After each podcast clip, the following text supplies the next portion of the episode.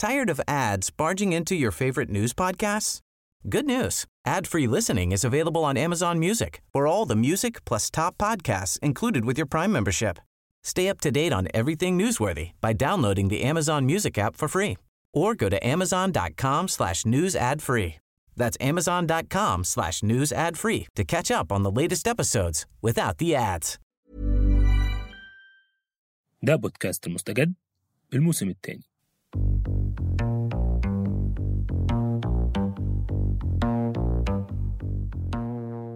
تتذكروا قلنا لكم بأول الموسم إن قررنا نبعد عن كورونا وسيرة كورونا قدر الإمكان. وكنا مفكرين على أمل إنه نخلص من هالفيروس وسنينه وما خلصناش لحد الآن. ما أنتوا عارفين القصة. وها نحن نعود إليكم بحلقة خاصة جديدة عن كورونا.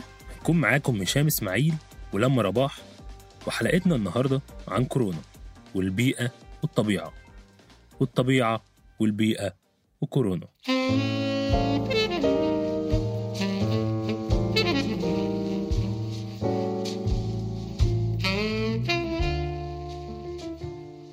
وسط وباء عالمي بيهدد صحة وحياة الملايين ووسط إجراءات صحية مشددة للتعامل مع آثار هذا الوباء من إغلاق للدول لإجراءات احترازية لتغيير أنماط حياة الناس بكل الأشكال.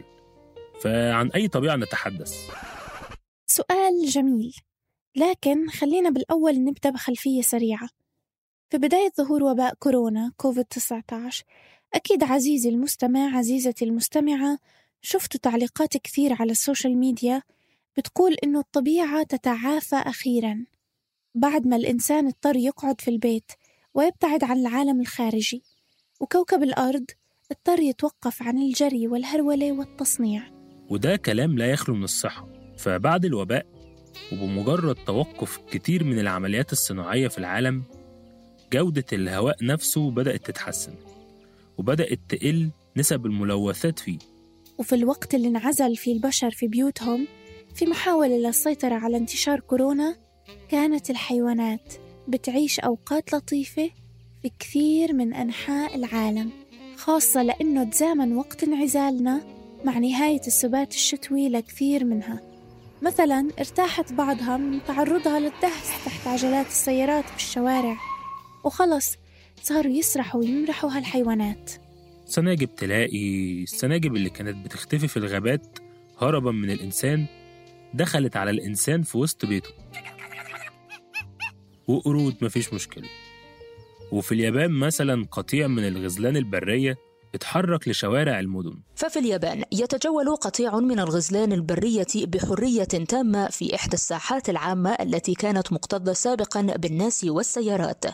الحيوانات بدأت تعيد اكتشاف مساحتها في العالم لكن كمان بعيدا عن مغامرات الحيوانات في مساحات البشر واحدة من الأمور الإيجابية لفيروس كورونا هي الانتباه المتأخر لموضوع تجارة الحيوانات البرية خاصة يعني إن أغلب الأبحاث العلمية بتقول إن فيروس كورونا نشأ في الأصل من أحد أسواق الحيوانات البرية والاكتشاف ده تسبب في دعاوي متزايدة بتجريم الإتجار في الحيوانات البرية. بؤرة تفشي فيروس كورونا مدينة ووهان تحظر تربية وأكل وصيد الحيوانات البرية التي قيل إن تناول بعضها نقل فيروس كورونا للإنسان. والتأثير الإيجابي ده بيمتد كمان لمساحات المياه. كتير من الشواطئ والسواحل أظهرت انخفاض كبير في الملوثات. كمان في مدينة زي البندقية قنواتها المائية بقت نقية دون شوائب والسبب ببساطة هو قلة حركة المراكب السياحية. وكمان ده بينطبق على المحيطات اللي قلة حركة السفن فيها سمحت للحيوانات البحرية إنها تعيش لها يومين لطاف. لكن على الناحية الثانية من هذه الصورة الجميلة المشرقة التي تنتصر فيها الحيوانات البرية ونتراجع فيها نحن إلى البيوت عشان نشتغل من البيت ونحضر اجتماعات أونلاين ما حدش فيها سامع حدا. سنة 2020 كانت سنة حافلة بكل معنى الكلمة على المستوى البيئي. السنة هاي تقريبا حصل أكثر من 132 حدث بيئي خطير. والأحداث دي بقى الحقيقة هي كوكتيل متنوع من الحرائق. موجات حر فيضانات أعاصير.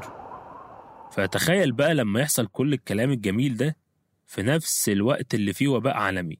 قاعد معانا وبنشوف معاه أحلى أيام. الكوارث البيئية ظروف مثالية لحدوث الأمراض أصلاً لأنه الكوارث البيئية عادة تجبر الناس على الهجرة أو الرحيل من أماكنهم. وبالتزامن مع رحلة التهجير الكبيرة هاي صعب كثير للناس يلتزموا بمعايير صحية. الظروف أصلا متطرفة وصعبة جدا فما بالك مع وباء عالمي؟ إحنا شفنا قبل كده في أمثلة كتير من التاريخ أشهرهم تفشي وباء الكوليرا مثلا في هايتي بعد ما ضربها زلزال مدمر في 2010 الوباء ده بالمناسبة يعتبر أسوأ وباء كوليرا في التاريخ الحديث. قتل لوحده حوالي 7000 شخص وأصاب مئات الآلاف. وانتشر لبلدان مجاورة والسبب في الأساس كان زي ما قلنا الزلزال وآثاره العنيفة على الحياة والرعاية الصحية هناك. يعني نقدر نقول كده المثل إياه بضمير مستريح المصائب فعلا لا تأتي فرادى وده يمكن لأن كل واحدة منهم بتسبب التانية. وحتى لو كان بدنا نساعد المتضررين من هالكوارث فإحنا ما عنا قدرة للوصول لإلهم أصلا. كورونا خلت السفر صعب والوقاية صعبة وظروفهم أصعب. والمثال الأقرب لبيئتنا واللي تابعنا أخباره يوميا كان طبعا هي السودان. بيوت منهارة وأراض غارقة وعائلات مشردة. هذا هو حال آلاف السودانيين عقب الفيضانات التي اجتاحت معظم ولايات البلاد. في الواقع الفيضان في السودان مش حدث غريب لأن السودان بتشهد سنويا فيضانات وسيول. لكن كمية الأمطار السنة دي وارتفاع منسوب النيل كانت غير مسبوقة وغير متوقعة والخسائر كانت فادحة. مجلس الأمن والدفاع السوداني يعلن البلاد منطقة كوارث طبيعية ويعلن حالة الطوارئ ثلاثة أشهر لمواجهة الأوضاع الكارثية التي شملت 16 ولاية. وفاة 100 شخص تقريبا حركة نزوح واسعة وهدم عشرات الآلاف من المنازل. وتضرر أكثر من مليون شخص ونفوق مواشي. خسائر بتقدر بأربعة مليار دولار. كارثة بيئية متكاملة.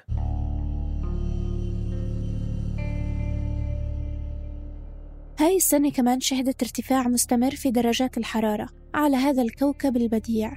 التقارير تشير إلى أن درجات الحرارة سنة 2020 هي الأكثر ارتفاعا في التاريخ المسجل أصلا.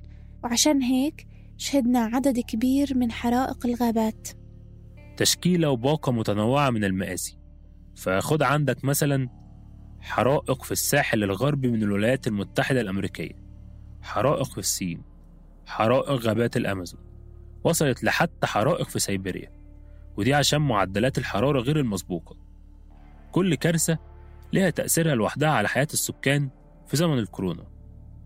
يعني مثلا الحرائق بتمثل تهديد حقيقي للمناطق اللي منتشر فيها المرض مش بس لسبب التضرر المباشر بالحرائق لكن كمان لأن الدخان الناتج من الحرائق هو خطر صحي كبير جدا وبالتأكيد قد يزيد من إصابات الرئة ومشاكل الجهاز التنفسي وبالتالي عدم قدرة الأشخاص على مواجهة العدوى. نفس الفكرة كمان بالنسبة لارتفاع درجات الحرارة أكتر من اللازم. أو انخفاضها حتى أكتر من اللازم. لأن التغيرات المتطرفة في درجات الحرارة دي بتمثل عبء إضافي كبير على الفئات الأكثر عرضة للإصابة بمرض كوفيد 19 وخاصة كبار السن والناس اللي عندهم أمراض مزمنة. أما في حالة الأعاصير مثلا وعندنا مثال زي إعصار أمفان اللي حصل بشهر مايو أيار الماضي في الهند وبنغلاديش واللي أثر على حوالي 40 مليون شخص في البلدين. وتسبب في فيضانات شديدة وانهيار للجسور وكثير من الضحايا. وكل اللي صار إضافة إلى مشكلة كبيرة زي مشكلة كورونا تسبب في تعطيل خطط الإجلاء حتى بالرغم من وجود آلاف الملاجئ للسكان. الاستجابة أصلا للكوارث البيئية بتبقى أصعب مع الوباء خاصة إن العبء على النظم الصحية أصلا كبير. فاللي بيحصل إن الكارثة البيئية بتحصل من هنا والناس المتضررة منها ما بتقدرش تحصل على الرعاية الصحية لأن النظام الصحي أصلا تعبان بالتالي الوضع بيزداد سوءا. هذا غير صعوبة وصول الإمدادات الغذائية وأثر الكوارث على البنية التحتية للدولة يعني كوارث ورا كوارث ورا كوارث.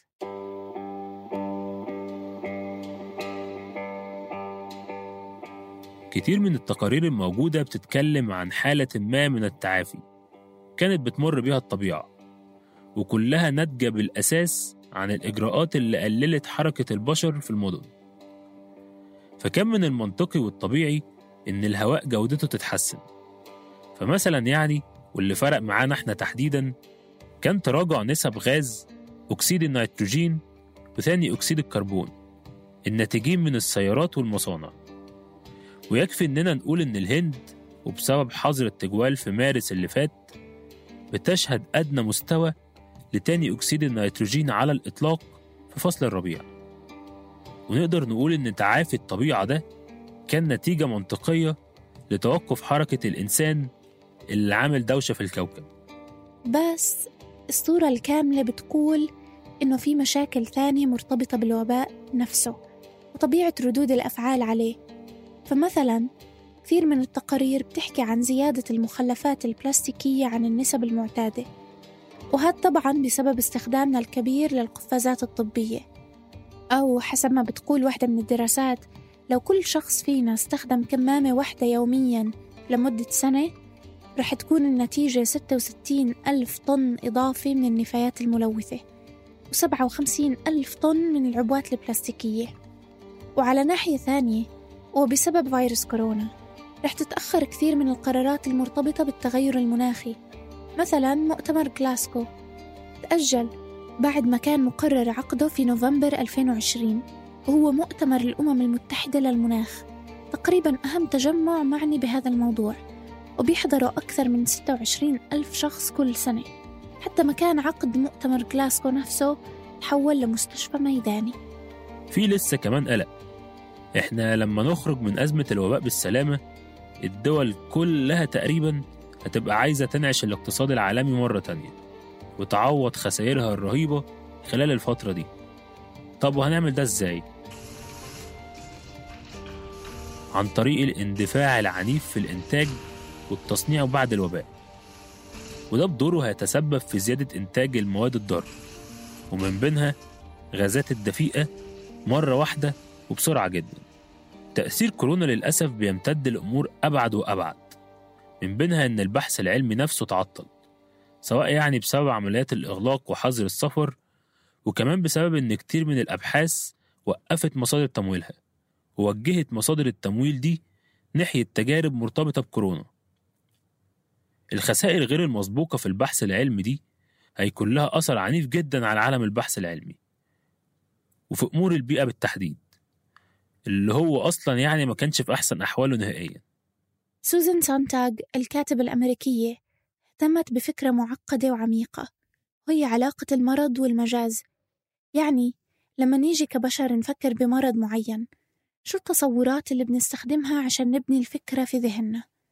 في كتابها illness as metaphor أو المرض كمجاز أو استعارة المنشور سنة 1978 سوزان بتشرح كيف المجاز المرتبط بمرض معين ممكن ينسينا طبيعة المرض نفسه.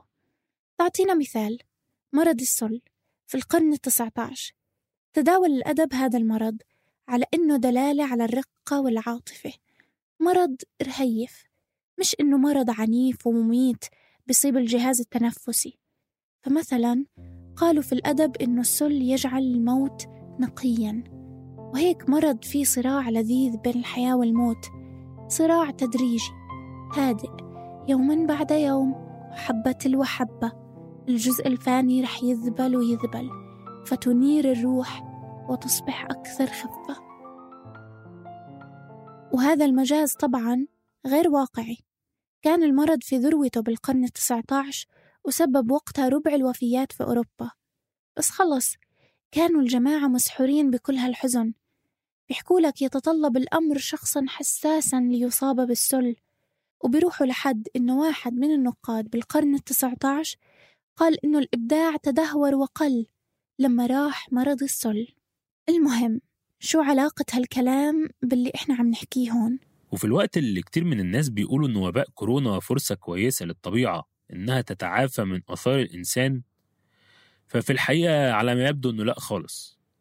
الأمور مش ببساطة مجازات التعافي والمرض الطبيعة مش بتتعافى بالتعبير البسيط ده لأن عواقب الوباء نفسه ممكن يكون لها تأثير سلبي عنيف على الكوكب وده لو ما خدناش بالنا من دلوقتي. صحيح إن في بعض الآثار الإيجابية نتيجة إن الإنسان ابتعد عن كتير من المساحات اللي كان بيأذي بيها البيئة بشكل مباشر لكن مهما كانت الأحوال فالابتعاد ده إجباري وغير مرتبط بتغيير حقيقي في تصوراتنا عن العالم اللي إحنا عايشين فيه. يعني للأسف الشديد ومع حبنا للسناجب والقردة بعد ما تنتهي جائحة كورونا رح يكون قدام البشرية اختبار حقيقي.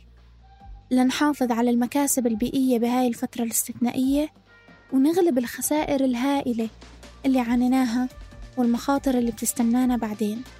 على أمل فعلا البيئة تتعافى يوما ما والكوارث تقل. هاي كانت الحلقة التاسعة من بودكاست المستجد. كنا معكم هشام إسماعيل في التقديم وأنا لما رباح في التقديم والتحرير أحمد جمال في الكتابة روان نخلي في البحث وتيسير قباني في الإخراج الصوتي. ما تنسوا تشتركوا في قناة بودكاست المستجد على منصة البودكاست اللي بتفضلوها. تابعوا حلقاتنا الجاي